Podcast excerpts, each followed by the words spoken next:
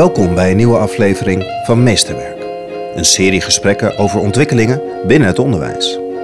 En dat was met name wat mij triggerde, is het opnieuw kijken naar onderwijs en het lef hebben om het anders te doen. En dat spreekt me heel erg aan. Dat is gewoon, ja, dat raakt wel mijn kern.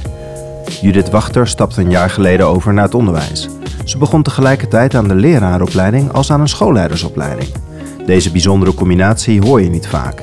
Ik ben daarom benieuwd waarom zij vanuit een andere sector overstapt en waarom ze twee opleidingen nodig heeft om te gaan werken in het onderwijs. Jij komt van buiten ons wereldje, dus je moet eerst maar laten zien dat je in ons wereldje kan meekomen. En toen zeiden ze letterlijk van, eh, ja, wij als bestuur zien dat wel zitten, maar onze scholen gaan het niet pikken. Dus dat gaat je niet lukken. Mijn naam is Janja Hubeek. Dit is Meesterwerk. Judith, welkom in de podcast. Dankjewel. Fijn dat je er bent. Wij zitten op de Hogeschool Leiden. Hier volg jij een opleiding. Ja. En op weg naar de microfoons vroeg ik van... heb je hier überhaupt fysiek les gehad? Want je bent vlak voor corona gestart. Je zei dat je drie keer fysiek les hebt gehad... en nu al een jaar eigenlijk online onderwijs hebt. Vertel even voor de luisteraar, want jij volgt verschillende opleidingen tegelijkertijd. Even kort, welke opleiding, want we gaan daar eindeloos over doorpraten zometeen, maar welke opleidingen volg jij op dit moment? Uh, opleiding tot schoolleider en Spring Pabo. Ja, en de opleider tot schoolleider doe je aan een andere hogeschool. Ja. En de Spring Pabo, even voor de luisteraars, dat is een nieuwe lerarenopleiding voor scholen met een vernieuwend onderwijsconcept, of in ieder geval een, een duidelijk onderwijsconcept. Dus, oftewel, dat zijn scholen die anders dan traditioneel ingericht zijn. Die, het, die anders kijken naar ontwikkeling en leren van kinderen ten opzichte van traditionele scholen. Ja, ja opnieuw kijken naar onderwijs is de nieuwe slogan die eh, uit de eerste groep van Springen voortkwam. Waarom doe jij die opleiding? Ja, uh, ik, kwam uit een, ik kom uit een andere wereld. Nee, niet helemaal, wel onderwijs. Ik ben onderwijskundige, is mijn achtergrond. En ik was werkzaam als medisch onderwijskundige en wilde iets anders. En eigenlijk, ja, misschien heel cliché, maar uh, doordat mijn zoon naar school ging, kwam ik weer veel dichter bij het basisonderwijs. En wat is dat nou en wat gebeurt daar nou? En uh, kreeg ik een beetje jeuk eigenlijk. En wilde ik iets gaan bijdragen, maar kwam ik er ook achter, ik spreek de taal niet. Dus um, de, de taal van het onderwijs, de taal van wat gebeurt daar nou werkelijk uh, in zo'n groep, in de klas, in een school of een kindcentrum. En toen dacht ik van ja, als ik dan daar echt wil bijdragen, dan moet ik ook die taal spreken. En dan uh, is het een beetje mijn manier om uh, dat te gaan zoeken in een opleiding. Je zegt, ik wilde de taal van het onderwijs leren. Nou ben je onderwijskundige, dus als iemand de taal van het onderwijs kent. Ja, hoe, hoe verklaar je dat? Ja. ja weet je, het, ik kan wel als onderwijskundige meepraten, maar ik heb geen krijt in mijn vingers, om het zo te zeggen. Ik merk dat dan toch vaak gekeken wordt van, ja, maar jij komt van buiten. Uh, je komt ergens anders vandaan. En je hebt tot nu toe, je, ben, je bent wel onderwijskundige, maar tot nu toe heb je vooral in het volwassen onderwijs gewerkt. En dat klopt ook, dat heb ik gedaan. En om dan binnen te komen, moet je echt heel erg laten zien wat je in je mars hebt. En dat kan ik wel. Maar nou ja, ik had de kans om deze opleidingen met elkaar te combineren. Uh, ik dacht, waarom doe ik het dan niet? Gewoon. Voordat we even naar het positief gaan, toch even een negatieve vraag. Is het onderwijs zo gesloten dat je eigenlijk je buitengesloten voelt als je geen krijt aan de vingers hebt? Kan je directeur worden van een basisschool als je niet uit het onderwijs komt? Kan je iets over onderwijs zeggen als je niet zelf, quote, quote, tussen de kinderen voor de klas hebt gestaan? Nou ja, ik ben van mening van wel. Ik denk wel dat je van buiten. Ik denk zelfs dat je een hele grote bijdrage kan leveren, juist omdat je van buiten komt en met een hele andere blik kan kijken. En um, als je dat niet doet vanuit de visie van uh, ik weet het beter, want ik kom van buiten, maar meer vanuit nieuwsgierigheid. Van goh, waarom gaan de dingen eigenlijk zoals ze gaan en wat kunnen we anders doen en wat kan ik meenemen en bijdragen? Dan denk ik zeker dat je daar hele mooie dingen kan bereiken met elkaar. Maar ja, wat ik wel zie is dat mensen vinden het, uh, vinden het spannend, vinden het heel eng om jou aan te nemen. Ik heb voordat ik dit ging doen, heb ik bij een bestuur uh, gesprek gevoerd. Van, goh, zien jullie dat zitten om mogelijk met mij in zee te gaan, om, hè, om aan de slag te gaan. En dan de opleiding tot schoolleider parallel te volgen, want die, die aantekening die moet je hebben. En toen zeiden ze letterlijk van, uh, ja, wij als bestuur zien dat wel zitten, maar onze scholen gaan het niet pikken. Dus dat gaat je niet lukken. En snap je wat het onderliggende argument erbij is? Nou, het echte argument heb ik in ieder geval, een, een steekhoudend argument heb ik nooit gehoord. Maar uh, wat ik wel zie is dat het in heel veel werelden zo gaat. En ik heb dat zeg maar in mijn loopbaan als onderwijskundige ook meerdere keren meegemaakt. Want ik maakte opleidingen samen met de inhoudsdeskundigen. Dus als ik bij een bank kwam om een interne academie mede vorm te geven, ik heb geen idee hoe, dat, hoe daar de hazen lopen, wat die mensen precies moeten weten inhoudelijk. En dat wil ik ook eigenlijk helemaal niet weten, want dat leidt mij af van wat ik bij te dragen heb.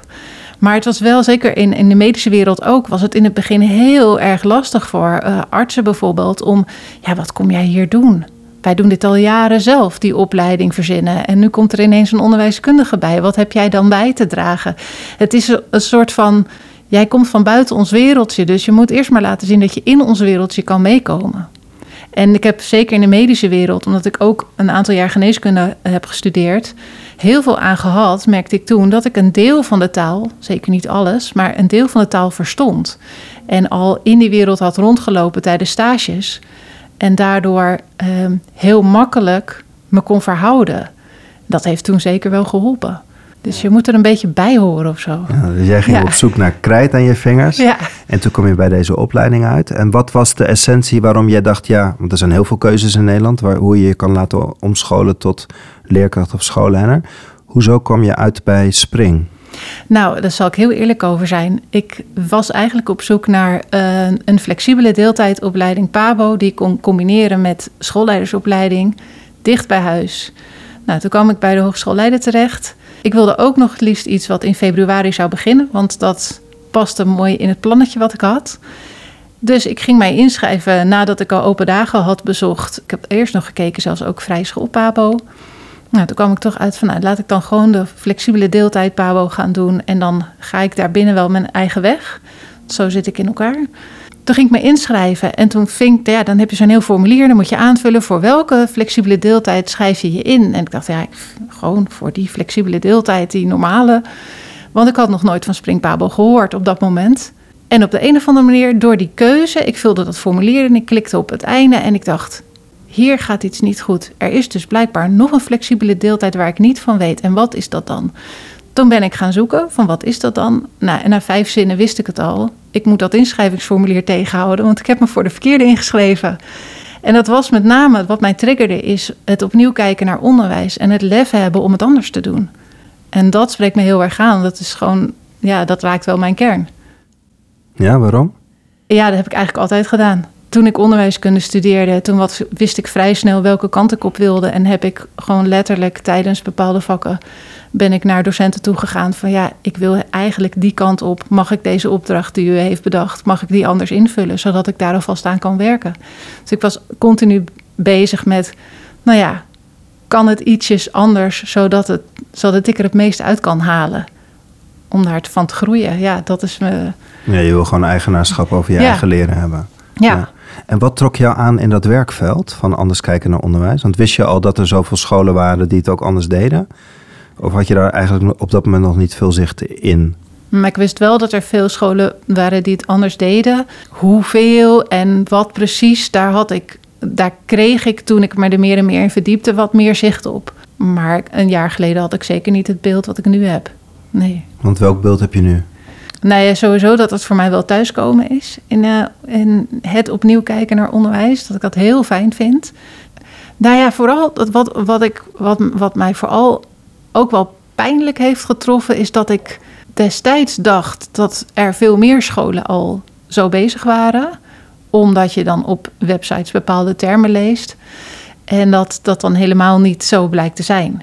Eh, ja, dat dat, en dat dat soms ook wel een beetje misleidend kan zijn. Dat ik graag ook wel een soort van duidelijkheid wil scheppen of een behoefte heb om duidelijk te maken van ja, wat valt er nou allemaal te kiezen en wat kun je eigenlijk allemaal maken als je het over onderwijs hebt met elkaar. Beetje vaag. Nou, nee, ik, ik denk als ik je mag vertalen, maar je me Ja. of het klopt of niet, is dat je zegt er zijn veel scholen die zeggen van we willen het wel anders doen, maar het in de praktijk niet altijd anders doen, maar wel dat verlangen benoemen en dan valt het tegen. Ja, ja, bijvoorbeeld heel veel scholen werken nu thematisch. En dat klinkt heel mooi en nieuw, maar als je binnen thematisch bedoelt dat je één keer in de week het over dino's hebt als het thema dino's is, ik noem maar iets.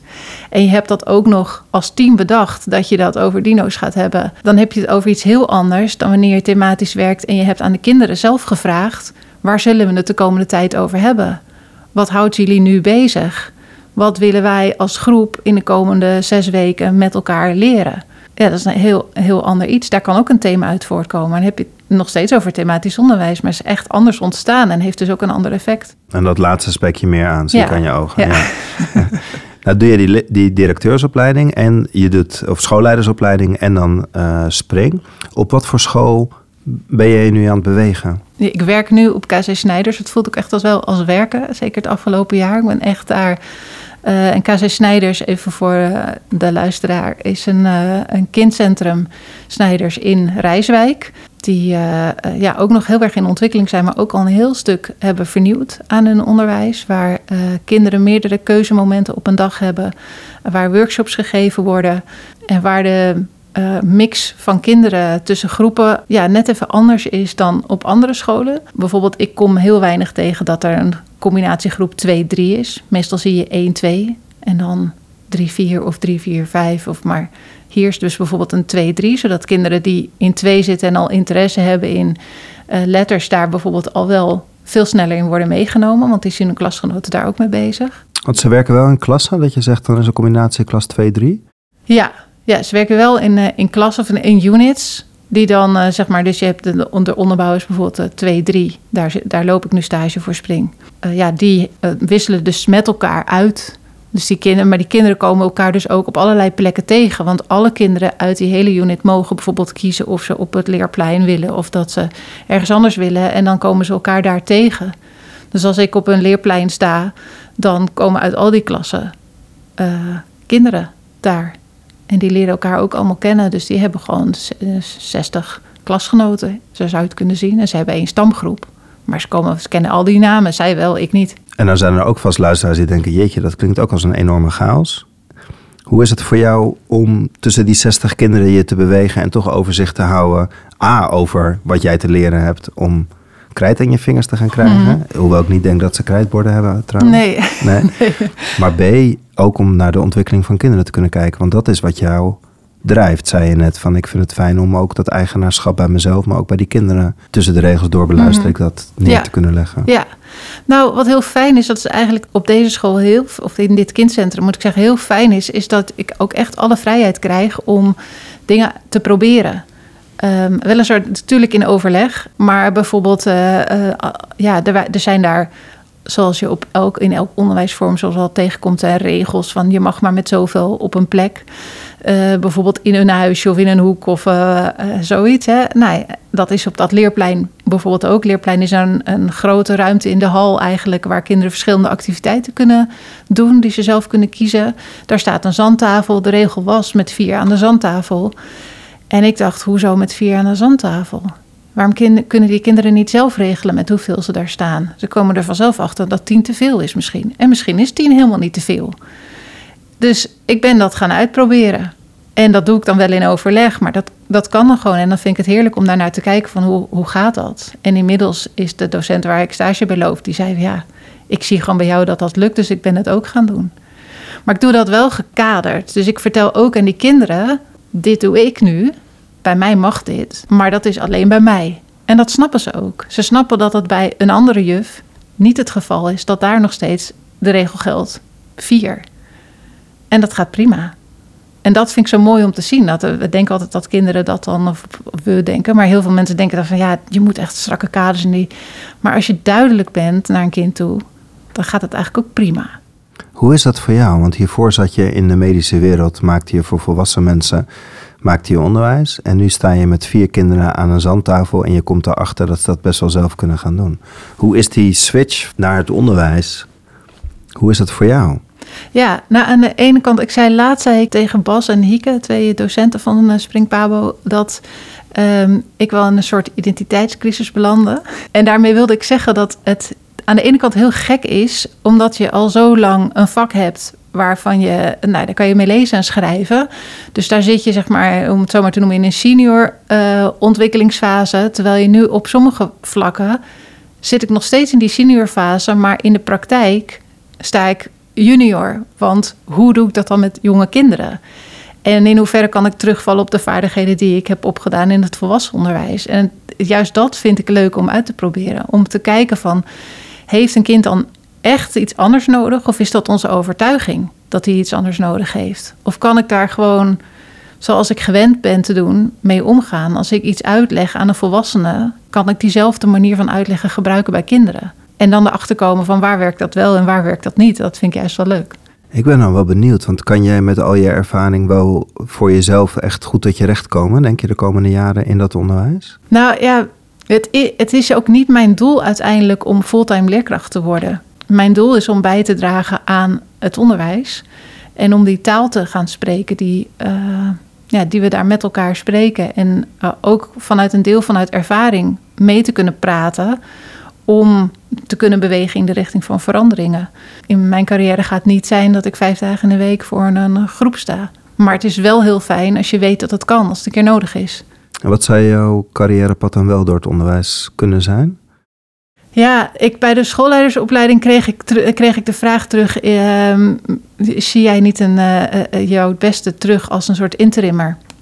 En toen zei ik ja, ik denk dat dat ook wel voor mij is weggelegd om mee te werken bij scholen, kindcentra die in een vernieuwingsproces zitten. Daar zeg maar vanuit mijn verschillende expertisehoeken, dus ook bijvoorbeeld eh, hoe neem je een team mee, hoe train je de mensen daar. Dat, dat zijn allemaal dingen die ik heb gedaan. Om dan bij te dragen aan die vernieuwing.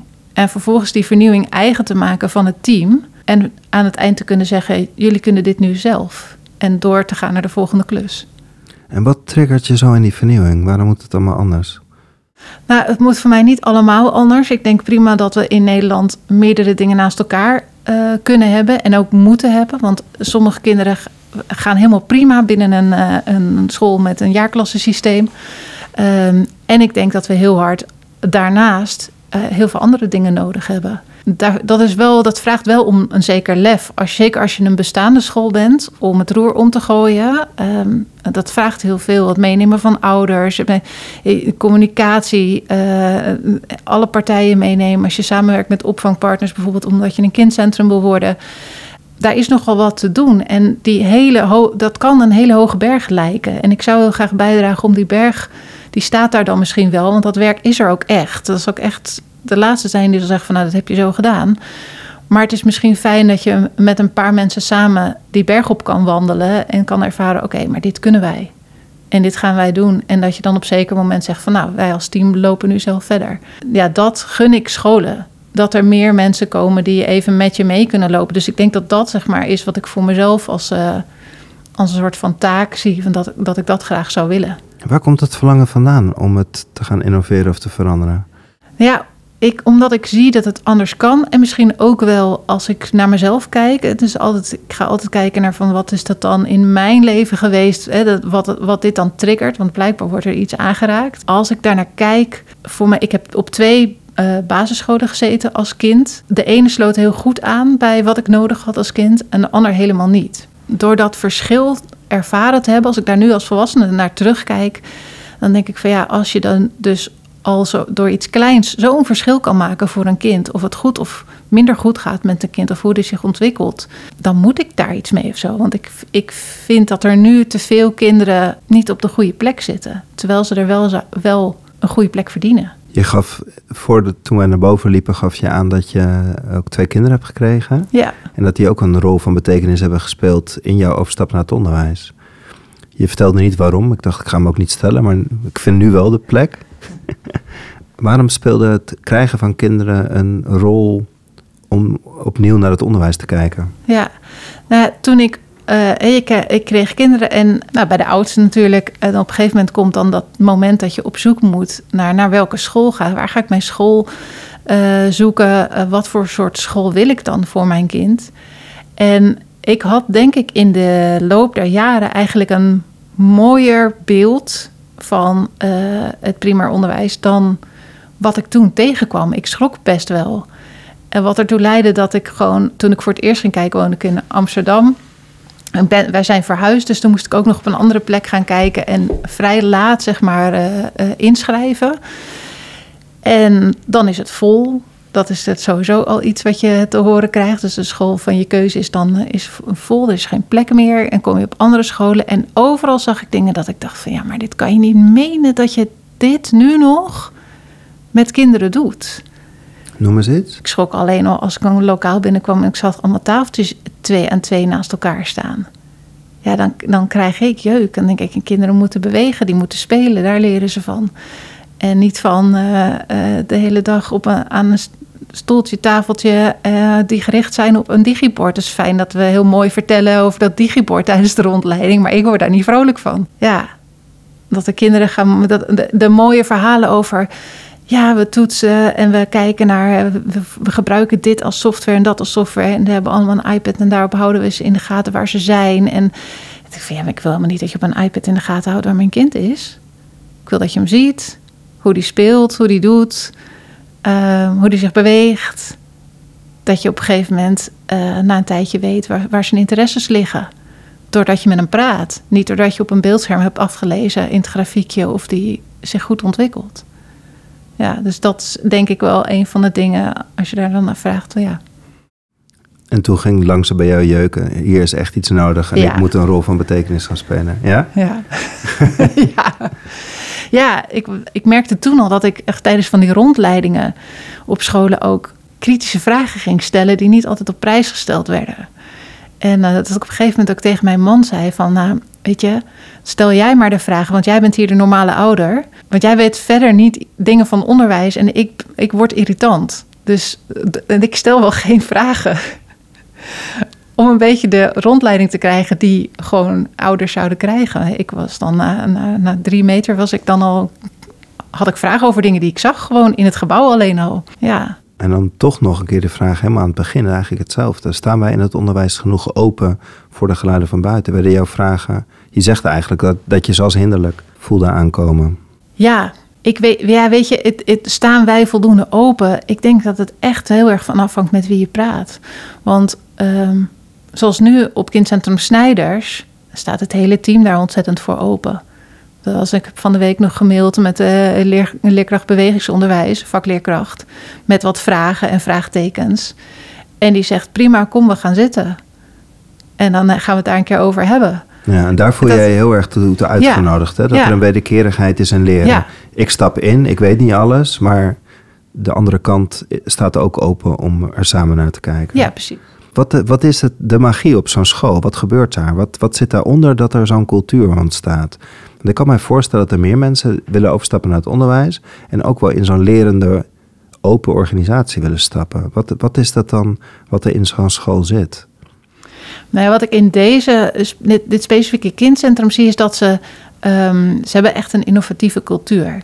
En uh, die is in de loop der jaren gegroeid. Maar als je naar de historie van deze school kijkt, dan zie je dat eigenlijk al.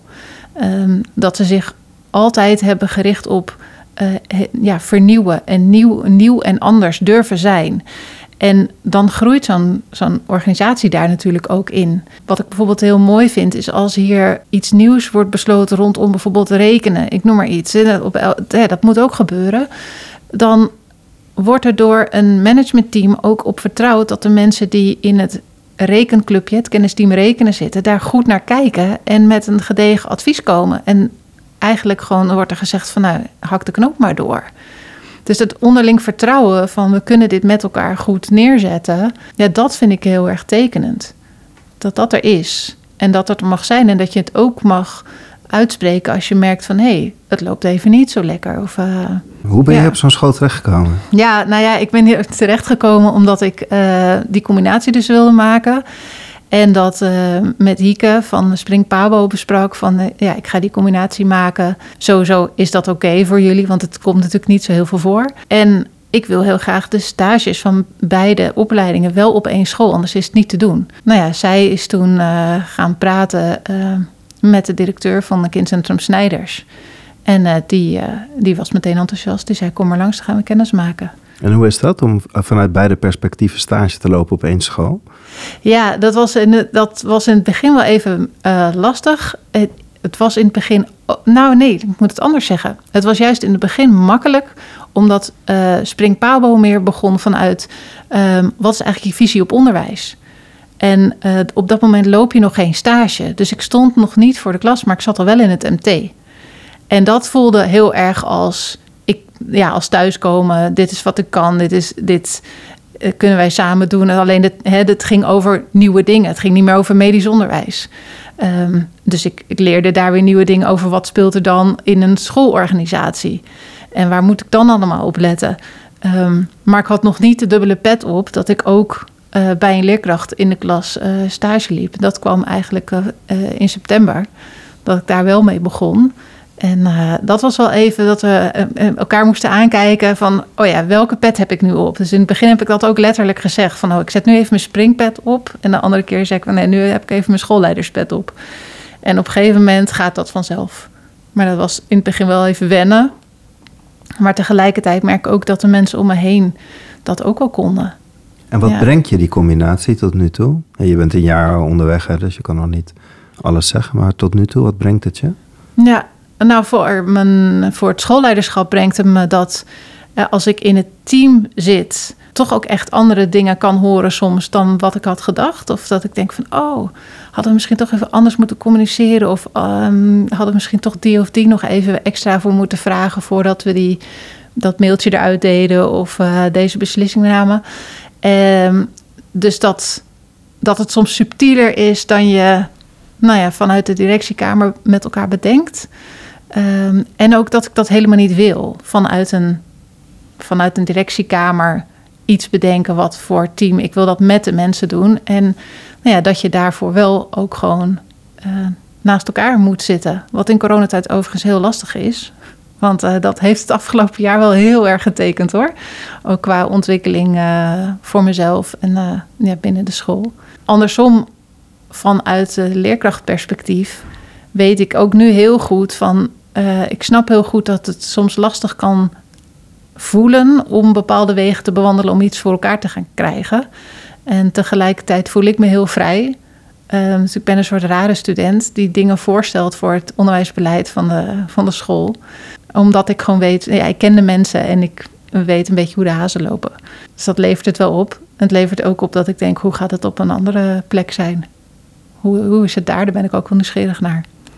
Er is enorm leraartekort, staat ook veel in kranten, is nu ook in de politiek met de verkiezingen een hot item. Er is eigenlijk ook een enorm directeurentekort op. Dat hoor je eigenlijk vrij weinig. Ja. Als jij nu een beetje zo meeloopt een jaartje, wat is jouw perspectief op dat tekort van schoolleiders. En nou ja, wat zouden we daar met elkaar in het onderwijs aan kunnen veranderen om die laag te versterken? Ja, nou, daar heb ik echt iets van. Daar zouden echt heel erg moeten inzetten op mensen van buiten.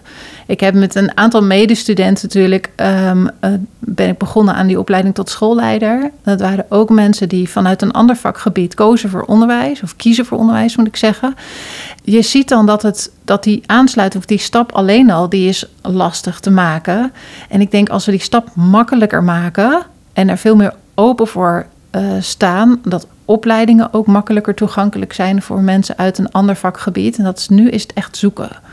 Van waar kan je dan terecht? Want vaak genoeg wordt er dus inderdaad nog gezegd van ja, maar je moet wel ervaring hebben in het onderwijs. Ja, maar ik kom van buiten. Eh, dus waar haal ik dan die ervaring vandaan? En eerst maar eens een jaar gaan kijken op een school is voor mensen die gewoon een drukke baan in het bedrijfsleven hebben, is dat is niet zomaar te doen. Want als je investeert in een opleiding, nou dat zal gauw voor, voor een jaar opleiding kost zo 9000 euro. Dat is ook niet voor iedereen zomaar. Want je, er zit dan ook een soort drive achter van. Je moet dat ook wel willen investeren. Want je ziet het niet meer terug, om het zo maar te zeggen. In bedrijfsleven van nou ja, ik investeer in een MBA. Eh, maar daarna gaat mijn salaris gaat daar ook naar zijn. Dus dat komt wel weer goed en dan krijg ik misschien een deel van mijn werkgever. Maar als je dit zelf moet betalen, omdat jij vanuit intrinsieke motivatie besluit: ik wil bijdragen aan dat onderwijs, ja, dan is de wereld niet heel open en ontvangend. Tussen ons in ligt een, uh, een magazine, een magazine uit 2016. En je pakt iets uit je tas, waardoor ik per ongeluk iets zag waarvan ik dacht, hé, hey, zou dat dat magazine zijn? Want ik ben dol op dit magazine. En dit heet Speelruimte. Van uh, is dat het kind. En toen gingen wij praten over dit magazine. En wij zitten in een kamer van de lector hier op de hogeschool. Um, en er staat hier een enorme boekenkast met heel veel boeken. En toen pakte ik een boek eruit. En dat was je dan weer toevallig aan het lezen. En het heeft allemaal met spelen te maken. En ik heb eigenlijk twee vragen. Allereerst, wat is je fascinatie met spelen? Nou, mijn fascinatie is dat ik heel erg het gevoel heb, en dat natuurlijk ook weer terugvind in al die literatuur die, waar ik dan induik.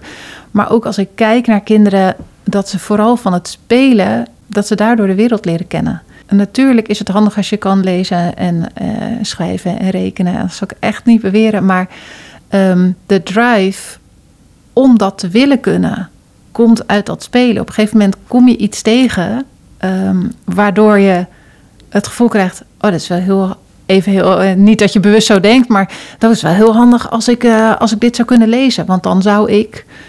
Uh, mijn, mijn zoontje ging, hij is zes geworden. En hij had iets van zijn verlanglijstje niet gekregen. Ja, waarom heb ik dat dan niet gekregen? Ja, je krijgt niet alles van je verlanglijstje. Oh ja. Ja, maar ik heb toch geld gespaard in mijn spaarpot? Ja, dat klopt. Ja, maar kan ik het dan zelf kopen? Nou, dan gaan we dat bekijken of hij dat zelf kan kopen. En op dat moment ontdekte hij dat een euro uh, is opgebouwd uit centen. Want ja, dat, gewoon omdat we daarmee aan de slag gingen. En hij zei van, oh, maar ik heb 50 euro. Want dat was 50 cent.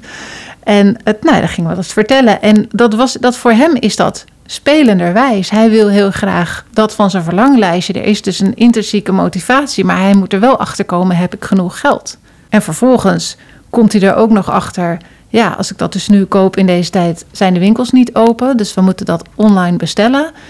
Dus dan geef ik het geld aan Judith. Dan uh, gaat zij dat bestellen. Maar dan is het er niet meteen vandaag. Dus hoe werkt dat dan? Ah, ja, maar hoe zit dat dan met die post? Want er werd heel erg boos dat de post maar niet kwam.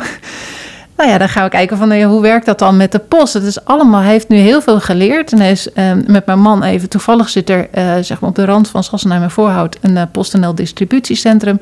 Daar zijn ze langs gereden om te kijken hoe groot is dat wel niet. Hoeveel pakjes gaan er dan wel niet door die post heen. En oh ja, nou toen begon hij te begrijpen waarom zijn pakje niet meteen op de stoep lag. En eerder snapte hij heus wel wat een postbode was. Maar dit is nu, zie je dat hij daar een verdieping in heeft gemaakt. En dat doet hij omdat hij zelf iets wil. Nou ja, dat is wat, wat mijn fascinatie is met spelen. Is kinderen spelen omdat ze het zelf willen. Ik kan een kind niet dwingen om iets te gaan spelen. Dan wordt het geen spel. Dan is het een opdracht van mij. En ik denk echt dat kinderen daar minder van leren. En ik zeg niet dat je nooit daarin mag sturen of daarin. Hè, je kan spel ook rijker maken door vragen te stellen en door daar net even wat extra prikkeling in te brengen. Maar ik denk echt wel dat het begint met spel. En je hebt daar best wel een reis doorheen gemaakt. Wat zijn dingen die je geïnspireerd hebben? We hadden het net al over een aantal boeken. Maar welke boeken, even voor de luisteraar die ook denkt van... hé, hey, dit is wel een heel tof thema. Ja, nou, ja, We Moeten Spelen van Rob Martens is natuurlijk een hele mooie. Uh, die raakt daarin uh, ook verschillende aspecten aan. En wat ik mooi vind van zijn boek is dat het ook heel speels is opgezet. Dus het straalt ook spelen uit. En tegelijkertijd is hij iemand die een uh, flinke wetenschappelijke achtergrond heeft. Dus wat hij opschrijft, is hij schrijft heel toegankelijk op. En tegelijkertijd komt het wel voort uit ook gedegen wetenschappelijk onderzoek. Nee, daar, daar hou ik ook wel van. Ik ben ook wetenschapper. Dus ja, daarin vind ik hem maar het is ook heel inspirerend wat hij schrijft. En het prikkelt weer nieuwe vragen. Ik heb dat hele boek, uh, ik heb mijn clubpotloden gepakt en het hele boek staat inmiddels vol met extra vragen. Voor de luisteraar, ik heb er ook een hele leuke podcast uh, met hem over opgenomen. Uh, naar aanleiding van dat boek, dus we moeten spelen. En we keken even in de kast net en daar staat het boek Free to Learn van Peter Gray. Die ga jij nu lezen. Ja. Ja, dat is ook een klassieker in, in die zin. Maar wat ik daarbij interessant vind, is dat um, wij, wij kennen elkaar net nu uh, vijf minuten voor de podcast. En wij kwamen al met allemaal verschillende boeken en platforms waarin wij allebei inspiratie vinden. En er lag overlap in. Ik vind dat best knap als je net naar het onderwijs overstapt. Dat je je al in zoveel inspiratie weet te bewegen. Dus mijn vraag aan jou is, uh, hoe doe jij dat?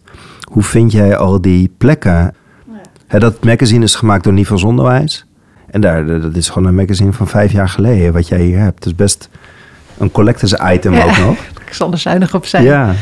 Nou, misschien zat dat, zit dat ook wel een beetje in mijn uh, achtergrond, omdat ik een, ja, als de wetenschappelijke achtergrond, ik ben heel erg gewend om te kijken van welke referenties zijn er gebruikt om dit te schrijven. Dus als ik iets interessants tegenkom, dan is dat vast ook uit iets anders interessants weer voortgekomen. Dus dat is, wel, zeg maar in literatuur hoe ik een beetje grasduin van oh dit, oh dat. Maar ik vraag ook heel veel aan mensen. Ik, ik, ik blijf maar vragen stellen. Soms denk ik wel eens van ben je me al zat. Ehm, ook van, goh, wie weet er nog iets over dit? Of wie heeft er nog een tip voor dat? Nou, soms hoor ik daar niks op terug. En soms krijg ik van, oh, dan moet je dat boek eens lezen. Of ik heb nog wel iets uh, voor je. En binnen Spring vind ik ook dat dat... Um, ja, dat is heel rijk eigenlijk. Dat we met de, we begonnen als eerste groep bij Spring. En een van de dingen die we daar echt wel deden, en daar de, het, we voelen ons echt ook wel één met de docenten daar, die, ja, die zijn zo benaderbaar om even te sparren over iets. En dan uh, hoor je ook weer van drie boeken of uh, een naam. En dan, ja, als ik een naam hoor, dan schrijf ik hem op. En dan kijk ik weer verder. Dan ga ik dat uh, erbij zoeken. En dan bestel ik het bij Bol. En kijk ik of ik het wat vind. ja, dus zo gaat dat. En um, ook de stoute schoenen aan durven trekken. Dus um, als ik iets interessant vind of me aangesproken voel en denk, ja, hier zou ik er wel iets mee willen. Vroeger durfde ik dat dan niet. En dacht ik, ja, er zit echt niemand op mij te wachten. En dat klopt ook. Want niemand weet dan wie je bent. Of, het, hè, dus je zit ook niet letterlijk te wachten.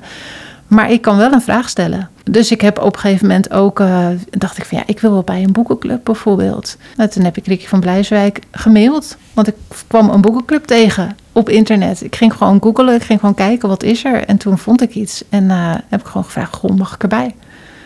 En dat mocht ja, en ik van ja, als ik niet had gevraagd, had ik er niet gezeten. En door die ontmoeting, ja, ja, dan leer ik weer nieuwe mensen kennen. Die mij ook weer in aanraking brengen met nieuwe mensen. Wat nu door corona veel lastiger gaat. Want als je elkaar alleen maar online ziet, dan is dat nagesprekje met, uh, met dat glaasje wijn erbij, bij wijze van spreken. Dat is er nu niet. Dus dat mis ik wel heel erg. Dan was het misschien nog wel sneller gegaan. Opbouwen, want dat is een van de dingen. Als je uit een ander vakgebied komt of uit een andere wereld komt, dan laat je dus dat netwerk wat je had, dat laat je achter. Je moet een nieuw netwerk opbouwen en daar moet je dan wel zelf actief in worden. Wat heb ik je niet gevraagd? Nou ja, ik vond jouw vraag over die mensen van buiten. Hoe laat je die binnen? Hoe laat je die binnen? Of hoe verwelkom je die, zou ik eigenlijk willen zeggen, binnen het onderwijs? Omdat ik weet dat er, en daar, ik weet nog niet welke wegen ik daarvoor moet bewandelen en of ik de juiste persoon ben. Maar ik denk echt heel erg dat daar, ik zei het al, daar iets moet gebeuren. Al is het maar dat als iemand een opleiding heeft gevolgd in zorg of in onderwijs, dan moet je dus heel veel geld betalen. Wil je nog je om, om willen scholen? Dat ga je dus niet doen. Maar daarmee missen we zoveel mensen die het wel zouden willen. Want waarom deden ze een, uh, al een, eerder een opleiding binnen het onderwijsdomein? Omdat ze er iets mee hadden ja, die mensen die er dus al iets mee hadden, die mis je dan als ze de keuze maken van ik wil nu wel voor die klas, ik wil Pabo gaan doen. Ja, dat gaan ze dan niet doen als ze een, een hoog collegegeldtarief moeten betalen. Ik denk dat datzelfde geldt voor uh, schoolleiders. Hè, de keuze kan heel bewust zijn: ik wil liever schoolleider worden dan uh, uh, mijn huidige salaris als CEO verdienen. En dat is dan heel mooi. Maar er moet er is wel ook wat meer nodig om die mensen te triggeren van kom maar binnen. Ja, dat is er nu gewoon niet. Veel te weinig. Ik ben het in ieder geval toen ik in mijn zoektocht uh, bezig was niet tegengekomen. Alles wat ik tegenkwam was voor mensen die al binnen het onderwijs waren. Dat is toch jammer. Ja. ja. Dus dat is een vraag aan de volgende minister om die deuren open te zetten. Ja, ja. Mensen die kunnen overstappen naar het onderwijs. Ja. Mag ik je dan danken voor dit gesprek? Ja, graag gedaan. Dankjewel. Meer podcastafleveringen van Meesterwerk zijn te beluisteren via Spotify, iTunes, Soundcloud of kijk op janjapubeek.nl. Je kunt deze aflevering een duimpje of een aantal sterretjes meegeven, zodat meer mensen deze podcast makkelijker kunnen vinden. Hoe dan ook, tot de volgende aflevering van Meesterwerk.